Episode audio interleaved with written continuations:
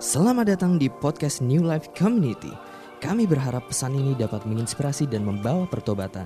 Kami berdoa Anda dapat merasakan Tuhan bekerja secara nyata dalam hidup Anda. Selamat mendengarkan.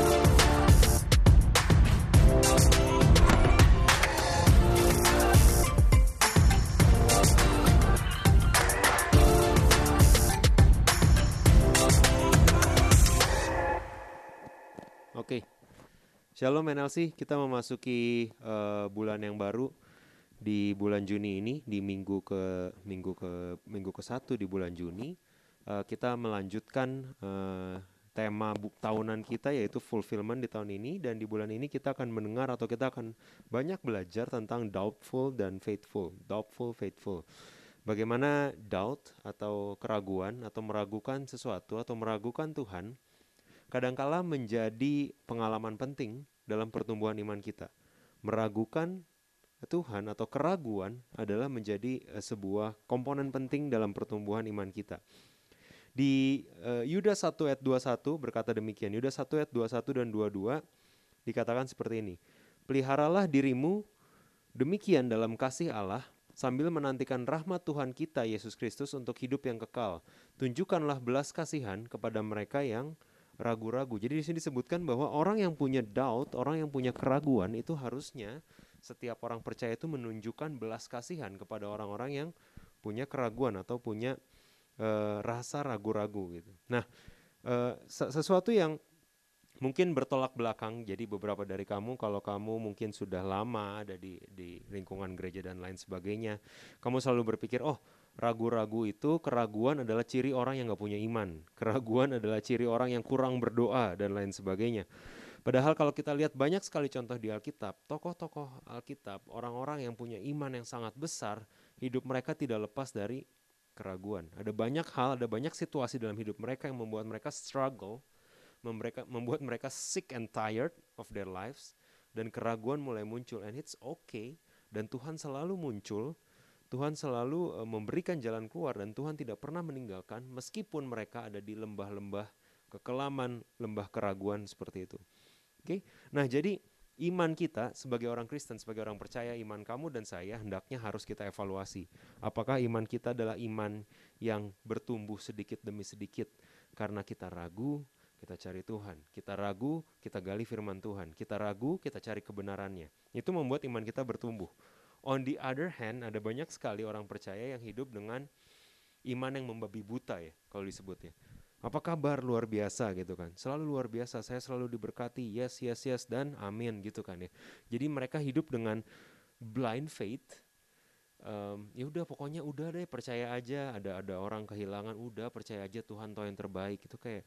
Kemudian ada orang yang ditipu udah Tuhan bisa gantian berpuluh-puluh kali lipat gitu kan. Ketika ada ketika ada uh, masalah di rumah udah udah ini semua memang jalannya Tuhan. Tenang Tuhan dibalik semuanya pasti punya rencana. Bener nggak bener? That's true tapi kekristenan kan bukan soal doktrin nih. Bukan soal cuci otak kamu bahwa segala sesuatu oke. Okay. it's not. Kalau segala sesuatu itu akan baik-baik saja dan segala sesuatu itu lancar-lancar aja kenapa Tuhan sampai harus berkata kalau boleh biar cawan ini berlalu daripadaku Betul? Karena tidak not all that you need, not all that you want, not all that you expect you'll get. Akan ada waktu-waktu di mana ekspektasi kamu tidak terpenuhi. Ada ada waktu di mana janji Tuhan buat kamu yang sepertinya nubuatan yang spesifik buat kamu tidak terpenuhi atau tidak tahu kapan terpenuhi. In those situations, dalam situasi seperti itu sering kali kita merasa ragu. Doubt akan mulai muncul and saya mau sampaikan di bulan ini it's totally fine untuk punya keraguan dalam beberapa hal tertentu. Oke, okay?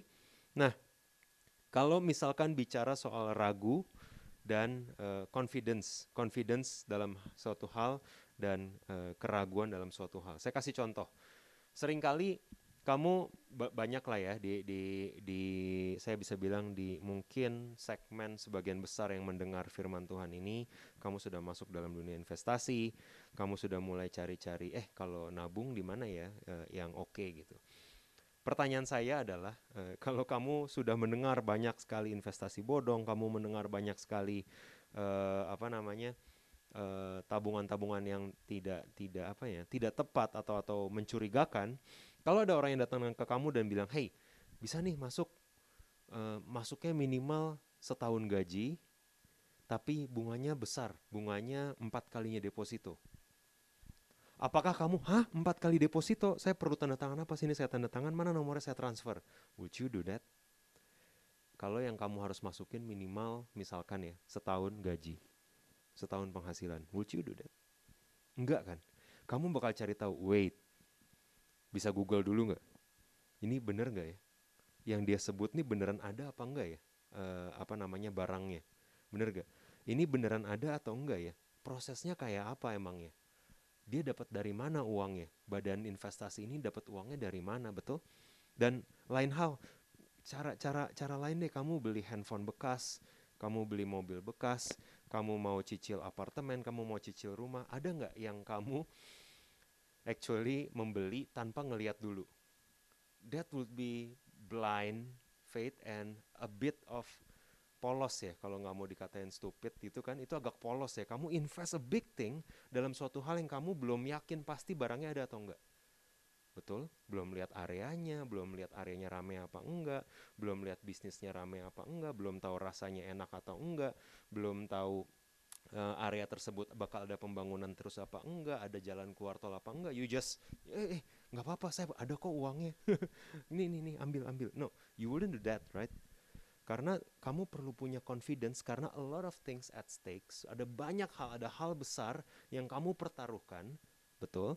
Sehingga ini investasi yang ngomongnya uang. Sehingga kamu akan betul-betul digging sampai kamu menghilangkan keraguan kamu. Bener gak? Right? Interestingnya waktu kita bilang kehidupan kita itu is a big stake. Kamu mau selamat dan memenuhi panggilan Tuhan atau kamu hidup suka-suka dan kebinasaan itu kan tidak ada you know taruhan yang lebih besar dari itu bener. Nggak ada hal yang lebih besar dari itu. Interesting ya. Kita oh ya udah yang percaya yang penting ya udah nih ini kata kata hamba Tuhan. Bahkan bukan kata firman Tuhan karena kamu nggak baca firman Tuhan. Ini kata hamba Tuhan saya ikutin aja. I I do feel that kalau kalau kita merasa orang yang investasi dan tanpa ngelihat dulu itu bodoh kita yang taking blind faith itu lebih bodoh karena a lot of di, di, di Alkitab selalu ditulis bukan cuma membaca dan menjalankan firman Tuhan, tapi renungkan siang dan malam. Renungkan itu esensinya di meditasi. Ini aplikasinya buat saya apa ya? Firman yang sama yang Merik dengar dan firman yang sama yang kamu dengar itu aplikasinya bisa berbeda. Karena Roh Kudus. Ini bukan buku Harry Potter yang kamu hafal. Right? Ini Roh Kudus yang berbicara so he could talk differently to you and to me. Ini sebabnya renungkan firman itu siang dan malam. So saya mau bilang bahwa kadang-kadang kamu ragu dan dan it's okay. Keraguan itu adalah ciri bahwa kamu lagi mau digging, you want to have confidence in God. Kamu mau punya faith in God. Kamu mau iman kamu kuat di hadapan Tuhan. Kadang-kadang untuk melewati untuk punya iman yang kuat, kita akan belajar hari ini. Kadang-kadang perlu keraguan-keraguan tertentu yang buat kita belajar, yang buat kita berteriak ke Tuhan, yang membuat kita cari Tuhan sampai kita ada di level iman yang berikutnya. Oke, okay? setiap iman yang tidak dites itu nggak ada nilainya. Saya ulang, setiap iman yang tidak dites itu nggak ada nilainya. Iman itu dites cuma kalau lagi ada keraguan dan iman itu menang. Iman adalah cara untuk menang dari keraguan. Iman nggak ada nilainya kalau nggak dites. Right? Saya pernah baca ada satu tweet ngawur yang bilang kayak uh, ya yeah, for for whatever reason dia bilang kayak oh kalau misalkan kamu menang ini apa kamu takut A kamu takut B kamu takut C kamu takut D terus suatu hari kamu merayakan kemenangan kamu merayakan kemenangan dari apa? Karena kamu takut sama segala sesuatu dan menjauhkan segala sesuatu dan gak mau berperang mengalahkan diri melawan segala sesuatu. Saya cuma bisa bilang saya cuma melihat tweet itu yang yang sangat nyentil. Saya cuma bisa berpikir bahwa kita saya cuma bisa berpikir bahwa iman muncul ketika banyak aspek dari hidup kamu yang penuh dengan keraguan. Bener nggak? Kalau saya flashback hidup saya ke belakang, turning point umur-umur saya, turning point hidup saya terjadi ketika banyak aspek yang tadinya saya juggle dengan baik, tiba-tiba lepas. Kalau tadinya saya punya harapan dengan kekuatan saya sendiri, tiba-tiba nggak bisa lagi saya dribble dan berantakan. Di saat seperti itulah iman saya tumbuh karena saya, oh, how how do I handle this? Gimana caranya saya bisa menghandle semua ini? Di saat itulah, saat keraguan tersebut tumbuh, iman tumbuh dan iman menang. Oke, okay? jadi kita bisa lihat, uh, kita akan belajar hari ini bahwa ada beberapa tipe keraguan, ada tipe-tipe keraguan yang kita harus jauhi, ada tipe-tipe keraguan yang penting dan justru tanda bertumbuh adalah keraguan. Kita akan uh, kita akan uh, lihat satu-satu ada empat uh, tipe dari keraguan. Oke, okay. yang pertama uh, orang yang ragu karena belum beriman. Markus 9 ayat 24. Ada seorang anak yang sakit dan ayahnya tahu ketika anak ini sakit dan dan cuma Yesus yang bisa tolong di masa itu dan dia datang ke Yesus. Uh, percayakah engkau? Kata Yesus. Yesus bertanya, uh, Do you believe I can do it? Apakah kamu percaya aku bisa menyembuhkannya? Interesting. Yang Yesus tanya adalah kamu percaya nggak kalau aku bisa menyembuhkannya? Dan di Markus 9 ayat 24 segera ayah anak itu berteriak, aku percaya, tolong aku yang tidak percaya ini. Sih, jadi dia punya keraguan karena dia tahu iman dia belum sampai. Karena dia tahu rasa percaya dia buat Tuhan itu belum sampai di level bener nggak ya bisa Tuhan nyembuhin anak saya yang udah mau mati. Tapi tolong aku supaya aku percaya. Sebelum kau tolong anakku, tolong aku dulu supaya aku punya iman. Wow, this is a crazy faith of a dad yang bisa bilang bahwa hey, tolong aku dulu karena asal aku percaya aja, asal imanku tumbuh aja, anakku sembuh. Dia tahu bahwa kuncinya bukan Yesus datang kucuk-kucuk-kucuk dan laying hands di anaknya dan anaknya sembuh. Bisa terjadi, bisa terjadi. Tapi lebih daripada berkat dan mujizat Tuhan, si ayah ini ngejar hubungan dia sama Tuhan. Dia ngejar help me believe. Bantu aku sampai aku percaya. It's crazy dan Tuhan gak bilang kayak aku percaya tolong aku yang gak percaya ini. Ih kontradiktif gitu kan. Antri lagi gitu. Katanya percaya. Habis itu tolong aku yang tidak percaya. Kamu percaya apa enggak? Mundur gitu kan. Yesus gak kayak gitu. Yesus nggak kayak gitu. Yesus mendatangi orang yang ragu ini dengan acceptance dan encouragement. Yesus datang kepada orang ini dan dia menyembuhkan anaknya. Long story short, mujizat beneran terjadi. Yang yang saya sampaikan adalah ada keraguan tipe pertama ketika orang ini ragu apakah benar Yesus bisa menyelamatkan dia, tapi the thing is dia bisa bilang bahwa, "Hey God, the first step before you do anything else, help me believe, help my unbelief." Bantu aku supaya aku punya iman, supaya aku percaya. Nah, kita mungkin ada di momen-momen yang kayak gini. Kamu yang dengar ini mungkin tidak relevan buat kamu yang udah setiap minggu ke gereja, tapi of you yang dengar ini mungkin kamu ada di posisi tertentu yang tidak baik dan kamu udah lama sekali nggak dengar nggak nggak nggak cari Tuhan dan kebetulan kamu dengar firman Tuhan ini dan kamu ada di posisi yang bilang hey if I can scream that to God I will kalau saya bisa teriakin ini ke Tuhan saya akan teriak Tuhan tolong aku yang tidak percaya ini. Aku tahu dan aku dengar dan aku mungkin dulu aku melihat betapa besarnya kuasamu, betapa engkau bisa memutarbalikkan segala sesuatu. But help my unbelief. Tolong aku yang tidak percaya ini. So, Tuhan gak pernah kabur atau Tuhan gak pernah ngejudge orang yang kayak gini. Meskipun kamu gak punya previous relationship with God dan kamu ada di situasi yang sulit, uh, ayat ini lagi encourage setiap kita bahwa it's okay to draw to God. It's okay untuk datang lagi ke Tuhan dan bilang, help me so that I can believe. Tuhan tolong aku di tengah keraguan ini. Aku nggak cukup baca banyak baca Alkitab. Aku nggak cukup banyak dengar firman Tuhan. Aku selalu menjauhkan diri dari ibadah. Aku nggak pernah dengar orang tua aku ngomong apa. But God, only you can help me. Help my unbelief kamu agak nggak percaya bener nggak sih? Tuhan dengar gua yang hina ini kan kamu mikirnya gitu ya maksudnya ya Tuhan nggak ngelihat kayak gitu tapi kan bukan berarti kamu nggak mikir kayak gitu. Mungkin kamu pikir Tuhan cuma uh, me menyiapkan bantuannya kepada orang-orang hidupnya layak yang hidupnya sudah benar dan taat di hadapannya. Guess what? Tuhan exactly cari orang yang hey Tuhan aku lelah uh, boro-boro main gereja-gerejaan. I don't mind gereja anything anymore gitu kan I I just need you. Dan dan orang-orang yang seperti ini yang Tuhan akan datang accept dengan acceptance dan dengan encouragement. So so if you do uh, spiritual evaluation today, kalau kamu punya keraguan karena iman kamu belum ada, aku tahu keraguanku jauh lebih besar dari iman. Kamu mulai ngerasa, you know, uh, tandanya udah pernah kan ya, uh, anxiety karena ragu sampai ke level anxious deg-degan, keringetan, nggak bisa tidur, sampai kantor pengen pulang, sampai pulang nggak bisa tidur, nggak bisa istirahat. I've been there, been through that, dengan keraguan yang sangat besar. This is the the right message for you yang bilang bahwa hey datang ke Tuhan dan bilang Tuhan help my unbelief. Oke, okay? kedua, kedua adalah ragu. Tadi yang pertama ragu karena belum beriman. Kedua ragu karena belum mengerti. Yohanes 20 ayat 19.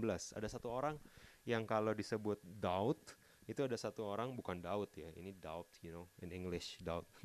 Jadi uh, tentang tentang doubt ini ada satu orang yang sinonim sekali di uh, kita baca di Yohanes 20 19 ketika hari sudah malam pada hari pertama minggu itu setelah Yesus mati berkumpullah murid-murid Yesus di suatu tempat dengan pintu-pintu yang terkunci karena mereka takut kepada orang-orang Yahudi pada waktu itu datanglah Yesus dan berdiri di tengah-tengah mereka dan berkata, ini Yesus sudah mati, mereka belum melihat Yesus, katanya udah bangkit, beberapa belum melihat Yesus, nih semua murid lagi ngumpul, lagi kabur, lagi hide, lagi bersembunyi dari orang Yahudi. Mereka takut dibunuh juga sama kayak Tuhannya.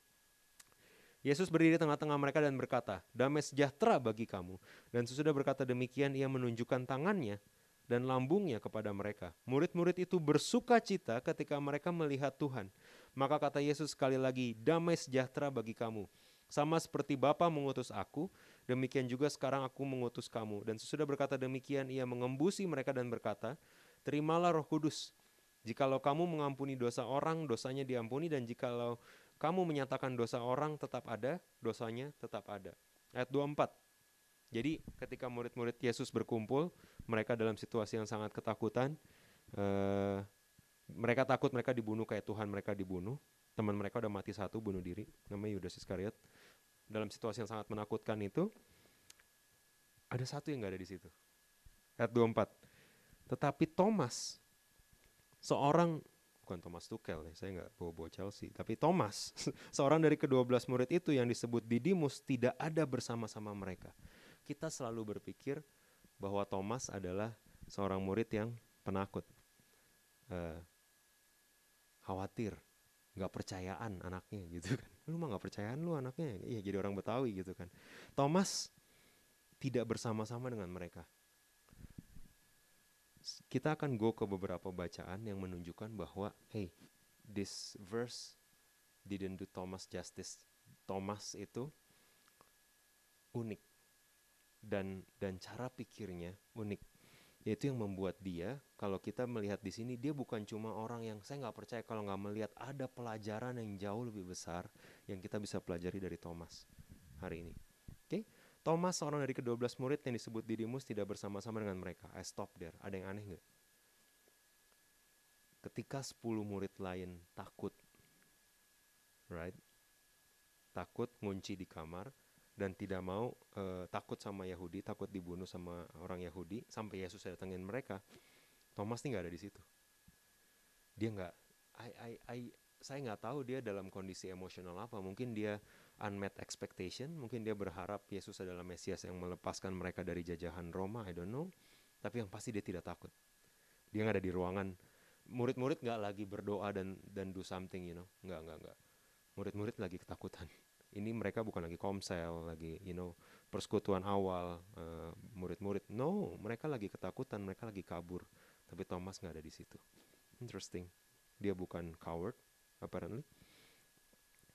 Uh, ayat 25 maka kata murid-murid yang lain itu kepadanya kami telah melihat Tuhan. Tetapi Thomas berkata kepada mereka. Jadi kalau di bahasa aslinya murid-murid lain itu ber, berkata kepadanya kami telah melihat Tuhan nggak nggak bareng. Oke okay guys bersepuluh kan? Ber, bersepuluh. Siap ya? Satu dua tiga. Kami melihat Tuhan. Nggak nggak kayak gitu. Jadi kayak you know situasi yang ketika ada temennya datang terus mereka sepuluh habis lihat Tuhan kamu kebayangkan betapa overjoynya mereka. Dan mereka saling kayak hei gila lu lihat gak tadi? Lu aduh kenapa lu ke pasar? Barusan banget Yesus datang dan dia bilang peace be unto us. Kita lihat tangannya kita lihat lambungnya Itu mungkin Petrus lagi berusaha ngomong kayak gitu, yang lain juga teriak, eh gila lu, malah jalan-jalan, gue udah bilang di sini aja Yesusnya datang. Kayak semua orang kayak berlomba-lomba dan secara aktif mau ngasih tahu dia, hei kami melihat Tuhan. Tetapi Thomas berkata kepada mereka, sebelum aku melihat bekas paku pada tangannya, dan sebelum aku mencucukkan jariku ke dalam bekas paku itu dan mencucukkan tanganku ke dalam lambungnya, sekali-kali aku tidak akan percaya. Interesting. Sepertinya orang yang mengeraskan hati ya. Sepertinya ini orang yang penuh dengan doubt dan dia mengeraskan hati. Hey, sebelum aku lihat, sebelum aku masukin nih tangan ke, ke situ, I will not believe. Nah, jadi ada beberapa pelajaran sebelum kita gali Thomas lebih dalam di Yohanes 11 ayat 6. Ini ada ini saya mau kasih karakternya Thomas ya.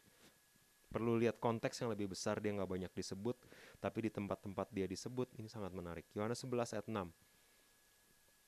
Namun setelah didengarnya bahwa Lazarus sakit, ini Yesus, ia sengaja tinggal dua hari lagi di tempat di mana ia berada. Tetapi sudah itu ia berkata kepada murid-muridnya, mari kita kembali lagi ke Yudea.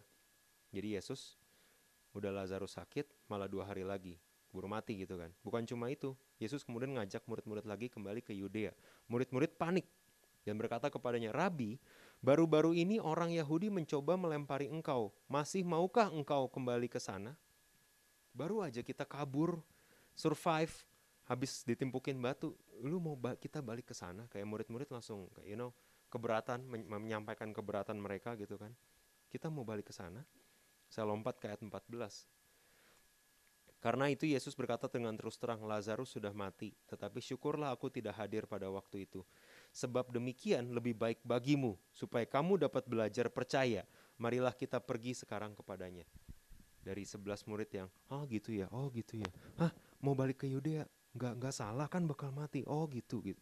Sebelas murid yang, ya yang ha, ha, ha, ini, ada satu yang sangat, menurut saya, pikirannya jalan, dan di ayat ke-14 ketika Yesus bilang, syukur aku nggak hadir dan Lazarus mati. Sebab demikian lebih baik supaya kamu, si 12 murid ini, bisa belajar percaya. Yuk sekarang kita ke Lazarus yang mati. Ini tanpa Yesus ngasih tahu dia mau ngapain. Thomas get it. Thomas tahu Yesus mau ngapain.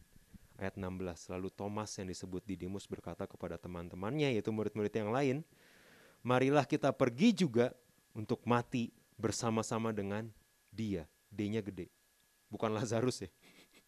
dia nggak bilang, oh yaudah kita mati sama-sama Lazarus sih semua yuk, yuk bareng yuk. Enggak, enggak. Dia bilang kayak, hey, ketika dia tahu bahwa Yesus sengaja lama-lamain, cuma buat kasih tahu bahwa dia akan bangkitin orang mati. Thomas gets it dan bilang kayak, hey, this guy mau balik ke Yudea, ayo. Itu menunjukkan orang yang penuh keraguan nggak? menunjukkan seorang pengecut nggak? Exactly the opposite, right? Ini disciples dia murid yang if I understand God help me I understand I need information saya nggak ngerti. Tuhan ajarin saya saya nggak ngerti. Tuhan kok begini? Kok begitu? I don't understand. God enlightens me. Ajarin saya maksudnya apa? Ini murid yang kayak begini. Ketika Yesus ba belum bangkitin Lazarus belum loh. Yesus belum bangkitin Lazarus Thomas sudah bilang hey guys kita bisa mati buat orang ini.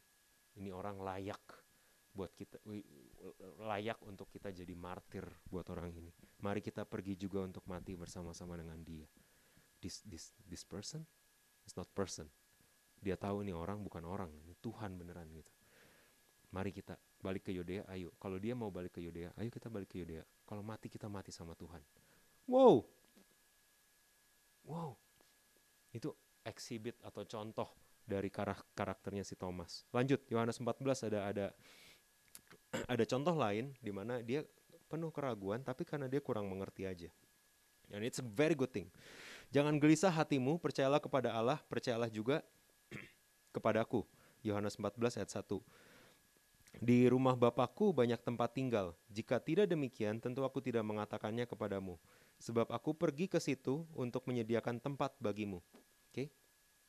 Uh, ayat ketiga, Yohanes 14 ayat 3 dan apabila aku telah pergi ke situ dan telah menyediakan tempat bagimu aku akan datang kembali ya aku akan datang kembali dan membawa kamu ke tempatku supaya di tempat di mana aku berada kamu pun berada ya jadi Yesus bilang, aku telah pergi ke situ menyediakan tempat bagimu, aku akan datang kembali membawa kamu ke tempatku. Supaya tempat di mana aku berada, kamu pun berada. Ayat 4, dan ke mana aku pergi, kamu tahu jalan ke situ. Yesus ngomong gitu ya. Ke mana aku pergi, kamu tahu jalan ke situ. Ke sebelas murid, oh, ha, ha, ha, siap. Amin, amin. Satu murid bertanya, kata Thomas kepadanya, Tuhan, kami nggak tahu ke mana engkau pergi. Jadi gimana kami tahu jalan ke situ? Amin. Right? Yang lain, oh gitu ya. Wah, catat, catat, catat. Catat apa? Do you get it? Ayat ayat 5, Thomas yang intellectually dia kayak I believe this guy, tapi saya belum ngerti ini maksudnya apa ya. Dia tanya, dia gali langsung ke Tuhannya. Tuhan kami nggak tahu ke mana engkau pergi. Bagaimana kami tahu jalan ke situ? Jadi dia orang yang, you know, kritis. Ayat 6. Kamu tahu jawaban Yesus apa? Apakah jawaban Yesus, pergi kamu yang tidak percaya, keturunan ular beludak gitu? Enggak ya, enggak. Yesus nggak ngomong gitu. Ayat 6. Yesus jawab apa? Kata Yesus kepadanya, akulah jalan dan kebenaran dan hidup. Tidak ada seorang pun yang datang kepada Bapa kalau tidak melalui aku. Eh, mohon maaf, kalau si Thomas cuma ngangok-ngangok kayak murid yang lain, ini ayat nggak bakal ada loh. Bener gak? Insight ini, kebenaran ini nggak akan Yesus sampaikan kalau murid-murid cuma ngangok-ngangok gitu. Oh gitu ya, oh iya, ya. oh gitu ya, dapat firman Tuhan, oh iya ya. Dari Yesus dapat firman Tuhan ngangok-ngangok nggak apa-apa gitu kan. Ini udah cuma denger khotbah online ngangok-ngangok doang gitu kan. Nggak mau baca sendiri nggak mau nggak mau dik sendiri gitu kan. Berbahaya karena insight dan the real truth itu hidden. Kebenaran penyingkapan Allah itu bentuknya personal dan itu tersembunyi katanya. Benar? Dan ini yang tersembunyi ini terkelupas ketika Thomas bertanya Tuhan kami nggak tahu ke mana engkau pergi. Gimana kami tahu jalan ke situ Yesus nggak ngehardik dia Yesus bilang I am the way the truth and the life Gak ada seorang yang datang kepada Bapak kalau tidak melalui aku. Kamu tahu punya temen di kampus, di kelas yang kerjanya nanya melulu. You hate them, right? As Indonesian kamu ngerasa kayak apaan sih bacot, bawel banget gitu kan. Lama ini udah mau istirahat gitu kan. Right? Nih Thomas seperti itu. Tapi actually pertanyaan-pertanyaan dia, pertanyaan-pertanyaan intelektual dia pertanyaan-pertanyaan yang memang dia berangkat bukan menguji Tuhan, dia memang penasaran. Dia curious about the kingdom of God, the, the truth about the kingdom of God. Dia mencari kerajaan Allah dan kebenarannya. Insight-insight dan kebenaran dibukakan Yesus langsung buat dia seperti ini. Akulah jalan dan kebenaran dan hidup. Tidak ada seorang pun datang kepada Bapa kalau tidak melalui aku. Ayat berikutnya dikatakan seperti ini. Sekiranya kamu mengenal aku, pasti kamu juga mengenal Bapakku. Sekarang ini kamu mengenal dia dan kamu telah melihat dia. Ada nggak yang lebih clear bahwa Yesus adalah Tuhan selain ayat ini? Ada. Cuma maksud maksud saya di kitab Injil ini salah satu ayat yang paling clear menunjukkan bahwa Yesus adalah Tuhan. Sekiranya kamu mengenal aku, pasti kamu mengenal Bapakku. Tapi sekarang kamu udah kenal dia karena kamu udah lihat dia. Dari siapa? Mohon maaf ya dari dari yang ngomong. Dari Yesus. Kamu udah melihat Bapa karena udah melihat dia. One God. Penyingkapan away ahead of time ini muncul karena keraguan seorang Thomas yang bilang, tunggu, tunggu, tunggu. Ke mana aku pergi, engkau pun pergi ke situ. Pergi ke tempat itu, nanti di situ udah disiapkan tempat bagimu. Itu ke mana ya Tuhan by the way? Gitu kan? Kayak it's a honest question. Ke mana Tuhan? Ayo berapa sering kita bertanya balik sama Tuhan? Tuhan I'm hearing this way. Aku mendengar ayat ini aku mendengar ayat itu. Cuma kok yang kulihat berbeda. Help me understand. Bahwa aku mengerti Tuhan. Tuhan aku dengar dari dari gereja ini bahwa perpuluhan begini-begini. Dari gereja itu perpuluhan begitu-begitu. Karunia roh kata gereja ini begini. Karunia roh kata selebgram itu begitu. Kata pastorgram itu begitu. Which one? Mana yang benar? Jadi seperti Thomas yang punya keraguan ini dan hey, roh kudus boleh nggak bantu aku mengerti? Dig yourself. Lihat apa yang Tuhan bukakan. Lihat apa yang Tuhan singkapkan sama kamu personally karena you know keraguan itu mempererat hubungan. Keraguan yang benar membuat kita menggali dan mencari firman Tuhan. Oke, itu yang kedua. Kita akan balik ke Thomas. Hold dulu. Ketiga, keraguan yang muncul karena inkonsistensi. Matius 14 ayat 31. Cerita yang familiar, a lot of you will be familiar with this. Petrus berjalan di atas air, kemudian ada banyak uh, apa badai besar membuat dia mulai tenggelam. Dan ketika dia tenggelam dia minta tolong sama Tuhan. Di awal-awal dia oke. Okay, dia step out dari kehidupannya sebagai nelayan symbolically dia keluar dan dia mau berjalan ke Tuhan meskipun dia menghidupi sesuatu yang me melangkah di sesuatu yang sebelumnya dia tidak pernah langkahi gitu. Itu kayak a lot of things yang perlu faith step of faith buat buat Petrus. Dan dia berhasil untuk beberapa step awal sampai inkonsistensi mulai datang dan menimbulkan keraguan buat dia. Di awal bisa tiga step pertama kan bukan airnya lebih cetek ya. You know tiga empat step pertama sama step dekat Tuhan itu sama gitu. Itu dalam dan itu badai sama. Yang membuat berbeda adalah ketika dia mengalihkan fokusnya ke badai dan bukan ke Tuhan. Intinya di Matius 14 ayat 31 ketika Petrus mulai tenggelam karena inkonsistensi, ya segera Yesus mengulurkan tangannya memegang dia dan berkata, "Hai orang yang kurang percaya, mengapa engkau bimbang?" Okay? Orang yang kurang percaya ini orang yang bimbang. Ini adalah keraguan yang ketiga, yaitu orang yang inkonsisten, pelin-pelan, you name it, bimbang, pikiran bercabang. Kita bikin keputusan untuk ikut Tuhan, kita bikin bikin keputusan untuk percaya Tuhan, cuma kita membiarkan media, comparison, dosa untuk take over kompas kita. Dan kita mulai ragu, bener nggak ya yang saya dengar di gereja? Bener nggak ya yang saya diajarin dari kecil? Ya nggak apa-apa, mempertanyakan itu nggak salah. Mempertanyakan itu nggak salah. Yang jadi salah adalah ketika kamu tidak meresponi dengan digging hubungan sama Tuhan, tapi lebih percaya apa yang dunia lempar ke kamu, apa yang media lempar ke kamu dan saya. Oke, jadi kalau ragu karena inkonsistensi ini, uh, sekilas info sama seperti yang tadi saya bilang, semua iman itu akan tampak cantik kalau belum ada badainya gitu. Semua iman akan tampak indah ketika badai, gempa, semak berduri, batu itu belum ada. Ketika kapan uh, iman itu teruji ketika badai mulai datang. Ketika banjir mulai naik baik literally maupun figuratively. Ketika uh, apa namanya? Ketika uh, seasonality atau ketika di kantor tiba-tiba difitnah ketika orang tua tiba-tiba sakit, ketika tiba-tiba di di backstep sama sahabat, sama pacar dan lain sebagainya. Ketika badai itu datang, ketika banjir itu datang, keraguan juga akan datang. Keraguan pasti akan datang. Kecuali kamu yang tadi ya, tipe yang blind faith. Oh, aku percaya Tuhan selama aku hidup, selama salibku pegang, aku akan tetap hidup dalam damai. Eh, actually, most of the time, ketika badai itu datang kita akan menghadapi keraguan. Kita akan menghadapi keraguan. Pertanyaannya apakah kita membiarkan diri kita tenggelam dalam keraguan dan badai tadi?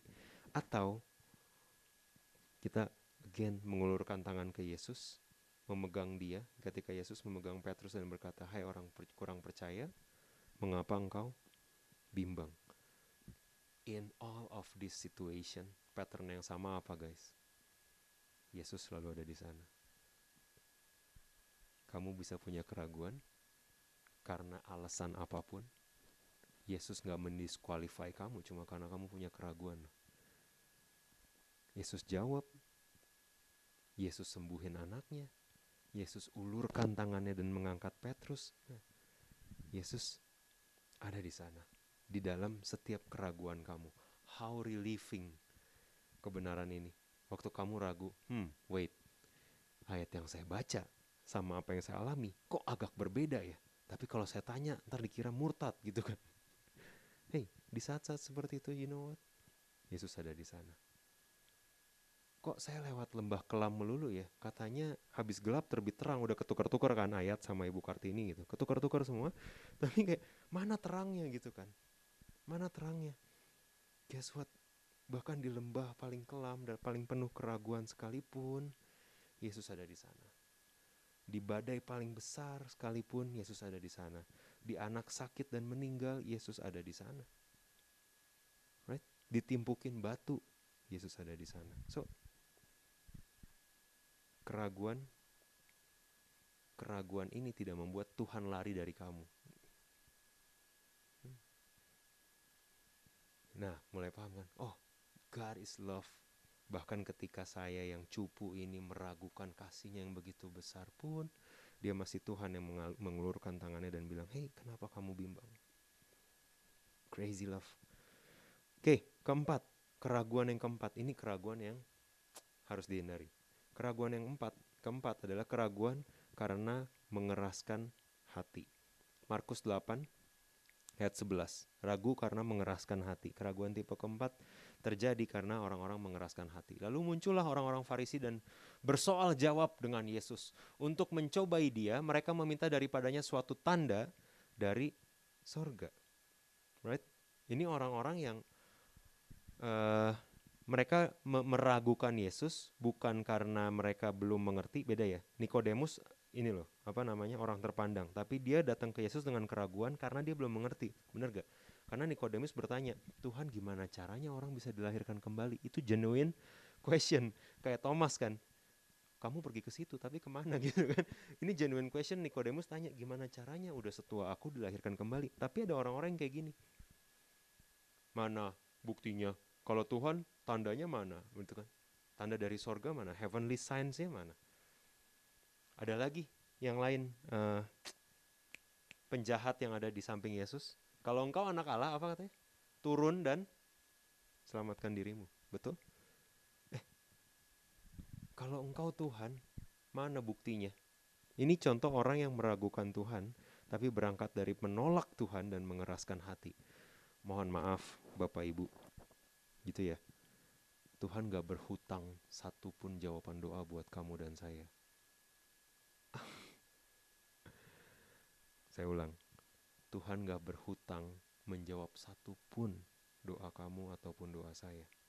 Tuhan gak berhutang satupun mujizat buat kamu dan saya. Semua yang kita punya itu kasih karunia Tuhan. Kalau kita belum mati karena dosa kita, itu udah mercy dan itu udah redemption yang paling mahal. Kita Tuhan gak nggak berhutang satupun tanda jawaban doa atau mujizat yang dia udah bayar buat kamu dan saya itu udah lunas dan udah mahal. Jangan minta-minta lagi gitu. eh, bu, saya nggak bilang kamu jangan berdoa, enggak. Beda ya, berdoa Tuhan kalau boleh.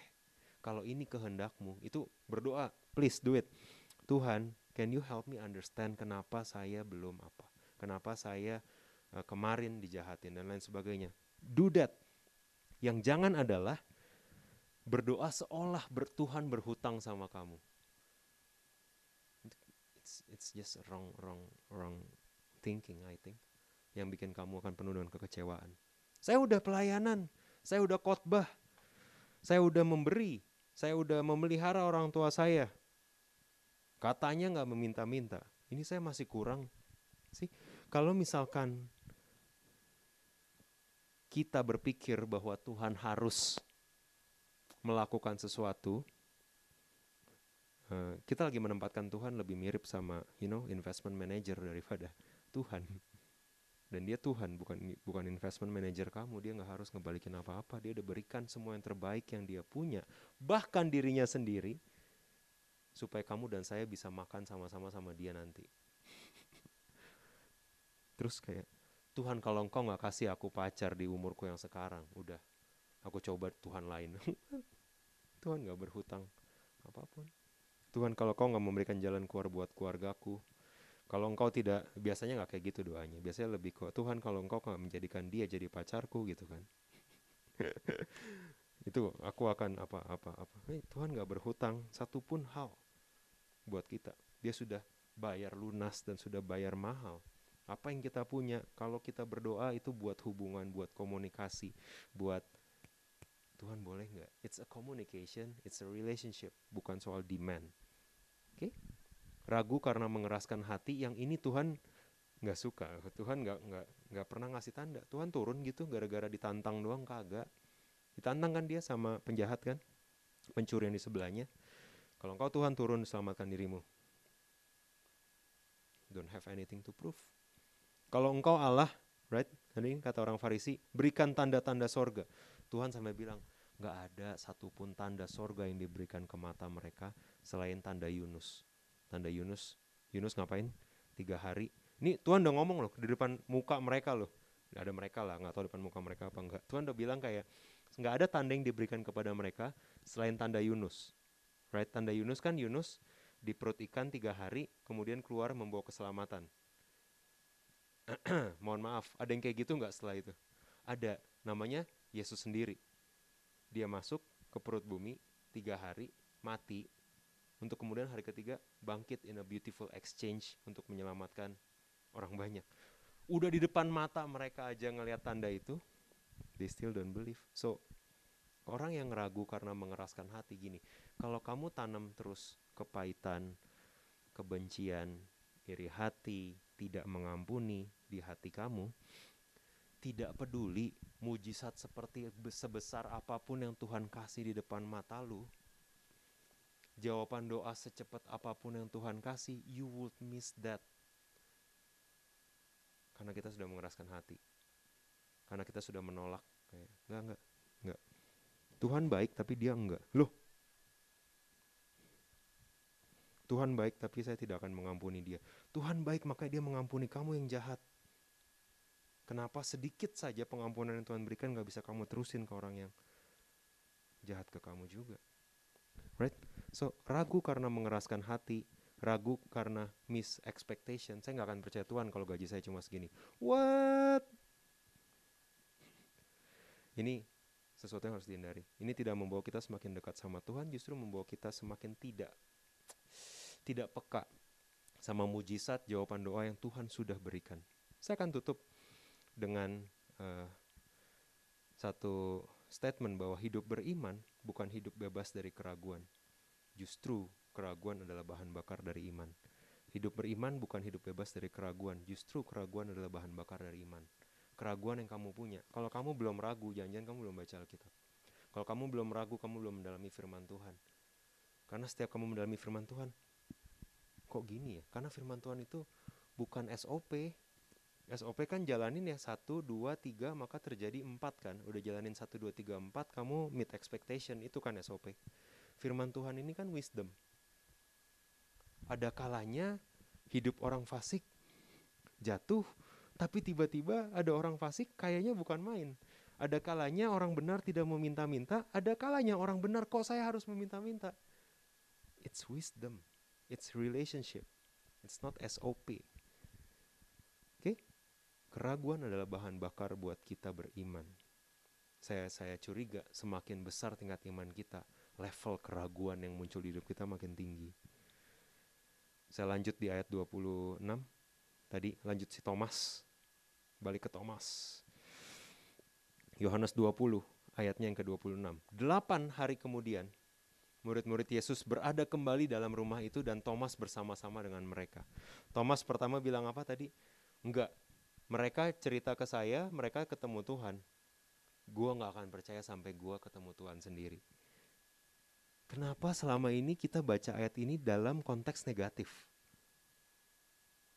Saya ulang. Sepuluh murid-murid melihat Tuhan. The only reason mereka percaya Tuhan bangkit adalah Tuhan datang sendiri ke mereka. Dan mereka bilang peace be unto you. Kalau kamu baca, mereka waktu lari nggak ini kan, waktu ada wanita yang ke kubur Yesus lari ke mereka, mereka percaya nggak? sama aja mereka juga nggak percaya. Mereka juga lari emang kuburnya kosong bener nggak? Mereka nggak lebih nggak percaya dari Thomas loh. Cuma lebih nganggo-nganggo aja. Orang Kristen nganggo-nganggo gitu kan. Ketika mereka balik ketika mereka balik ke si ke rumah dan untuk untuk mengunci diri lagi mereka Tuhan datang baru mereka percaya ketika mereka melihat Tuhan ketika mereka cerita ke Thomas mereka expect Thomas langsung percaya dari kesaksian mereka ini poin penting Be like Thomas. Jangan pernah membangun imanmu atas kesaksian orang lain. How this gets to me. Jangan pernah membangun imanmu atas kesaksian orang lain. Bangun imanmu atas kesaksian dirimu sendiri. Itu sebabnya ketika ada hamba Tuhan jatuh, ketika ada gereja besar gonjang-ganjing, ketika ada pastor yang gak kenal juga punya isu, kok kayak oh terguncang banget. Karena we're not supposed to build our faith di testimoniesnya orang lain. Your own faith is yours. Bangun di atas kesaksian pengalamanmu sendiri sama Tuhan. Kalau nggak punya, be like Thomas, Tuhan. I want to understand. I want to see you myself. Saya bisa dengar kata Merik, orang-orang berbahagia dengar Tuhan dari firman Tuhan, firman Tuhan, fine. But me, I want to experience you myself.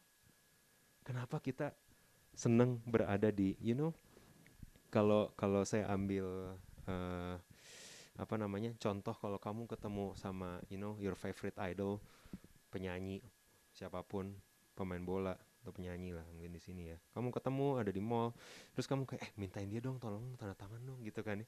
Mintain dong mintain gitu. Terus terus teman kamu misalkan mintain terus balik lagi terus kamu ketawa-tawa ih seneng deh dapat gitu tanda tangan. Kan itu stupid ya. Why don't you go yourself?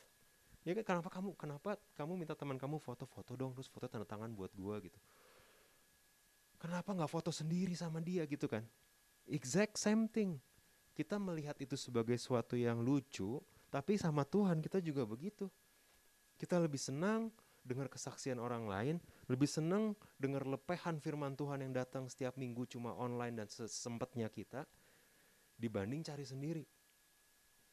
Padahal, padahal si Thomas dengan curiosity-nya, dengan keraguannya, doubtfulnya yang merubah dia jadi faithful dan bilang Tuhan sebelum aku cocokkan jariku, aku tidak akan percaya. Dan Tuhan tahu hati. Tuhan tahu mana yang cuma menguji dia, mengolok-olok dia, mana yang menguji dia out of genuine doubt, genuine curiosity. Dan apa yang terjadi berikutnya? Sementara pintu-pintu terkunci, Yesus datang dan ia berdiri di tengah-tengah mereka dan berkata, Peace be unto you, damai sejahtera bagi kamu. Tapi hari ini dia ada agenda. Yesus ada agenda di hari itu. Ayat 27. Kemudian ia berkata kepada Thomas, taruh jarimu di sini dan lihatlah tanganku, ulurkanlah tanganmu dan cucukkanlah ke dalam lambungku dan jangan engkau tidak percaya lagi, melainkan percayalah. How crazy was that? Di ayat sebelumnya kalau kamu baca, Tuhan cuma menunjukkan ke murid-murid yang lain. Cuma Thomas yang nih, masukin. It's okay, it's okay, it's okay. Ini masih agak basah dikit gitu. Darahnya nggak apa-apa gitu. Cuma Thomas yang ulurkan dan cucukkan ke dalam lambungku, tapi dan percayalah experience yang Thomas dapat jauh lebih besar sama Tuhan dibanding orang-orang yang ngango-ngango di sekitarnya. I'm I'm I'm not saying bahwa uh, there are different kind of people dan ketika Roh Kudus turun, murid-murid semua dipenuhi dan mereka menyebarkan firman Tuhan dengan luar biasa. Yang saya mau sampaikan adalah keraguan seguting. Kalau kamu punya keraguan, kok aku udah lama ya nggak punya kesaksian between aku dan Tuhan. Kamu tahu kan? Datang home sekali, dua kali, tiga kali, keempat kali mulai nggak ada cerita, kelima kali mulai nggak bisa kesaksian apa-apa. Itu alarm buat kita kayak, kok gue nggak ada kesaksian sama Tuhan nih? I am a believer, I am a friend of God waktu nyanyi. Kenapa waktu seminggu nggak ada pengalaman sama Tuhan? God, yuk bikin pengalaman baru yuk sama Tuhan. Tuhan, let's get together dan mencoba untuk berjalan bersama-sama, mengambil keputusan bersama-sama, peka terhadap orang-orang yang membutuhkan di sekitar bersama-sama, libatin Tuhan in everything. And you see, hey, mengalami Tuhan, membangun your faith atas your own testimony, itu yang lebih sustain daripada membangun di atas kesaksian orang lain. Ada kalanya kita ragu. Katanya Barang siapa yang sudah dimerdekakan akan merdeka. Whom the Son sets free, oh is free indeed. I am a child of God. Yes, I am gitu kan. Until kamu ketemu dosa yang sama lagi. Wait. Katanya whom the Son set free is free indeed. Saya nggak free indeed. Can you help me God? Apalagi yang kita dengar?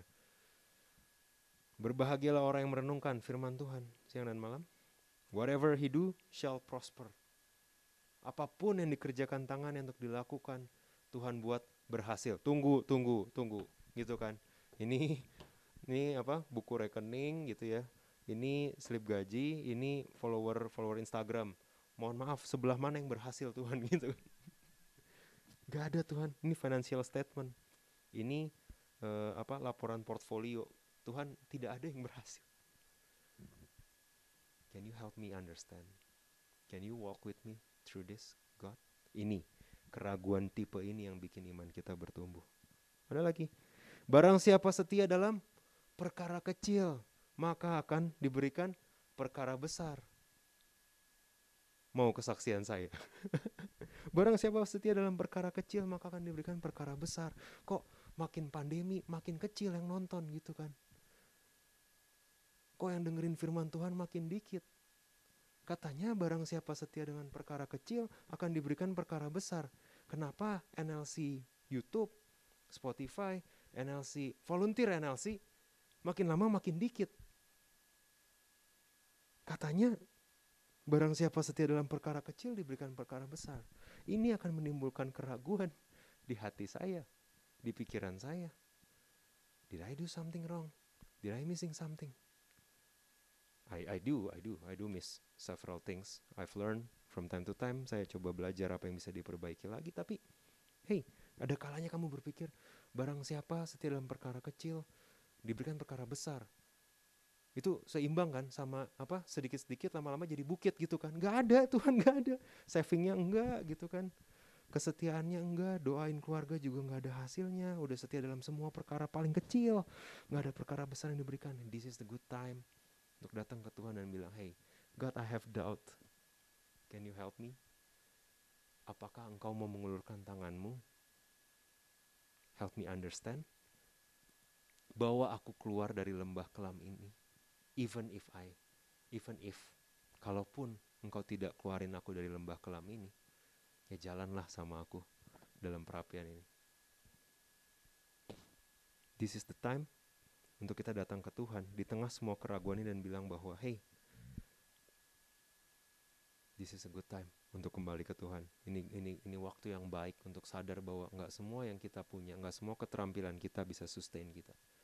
Cuma kesetiaan Tuhan Immanuel apa tuh namanya penyertaan Tuhan yang bisa membawa kita menguatkan kita sampai akhir. Amin. Mari kita berdoa. Bapak kami mengucap syukur untuk firman yang kami dengar hari ini hambamu selesai berbicara di tengah semua keraguan yang mungkin kami alami, semua keraguan yang mungkin kami hadapi. Kami tahu Engkau Tuhan yang tidak meninggalkan kami. Engkau Tuhan yang tahu keraguan dalam hati kami untuk setiap doa kami yang belum dijawab, untuk setiap janjimu yang belum kami lihat, untuk setiap nubuatanmu yang belum kami hidupi atau belum kami alami. Kami tahu terlebih dari itu semua, terlebih dari semua janjimu, terlebih dari semua penyertaanmu, terlebih dari semua berkatmu. What we want is you. Terima kasih sudah mendengarkan podcast ini. Kami berdoa Anda diberkati melalui pesan yang telah disampaikan. Mari sapa kami melalui Instagram @newlifec dan bagikan pesan ini supaya lebih banyak orang yang diberkati.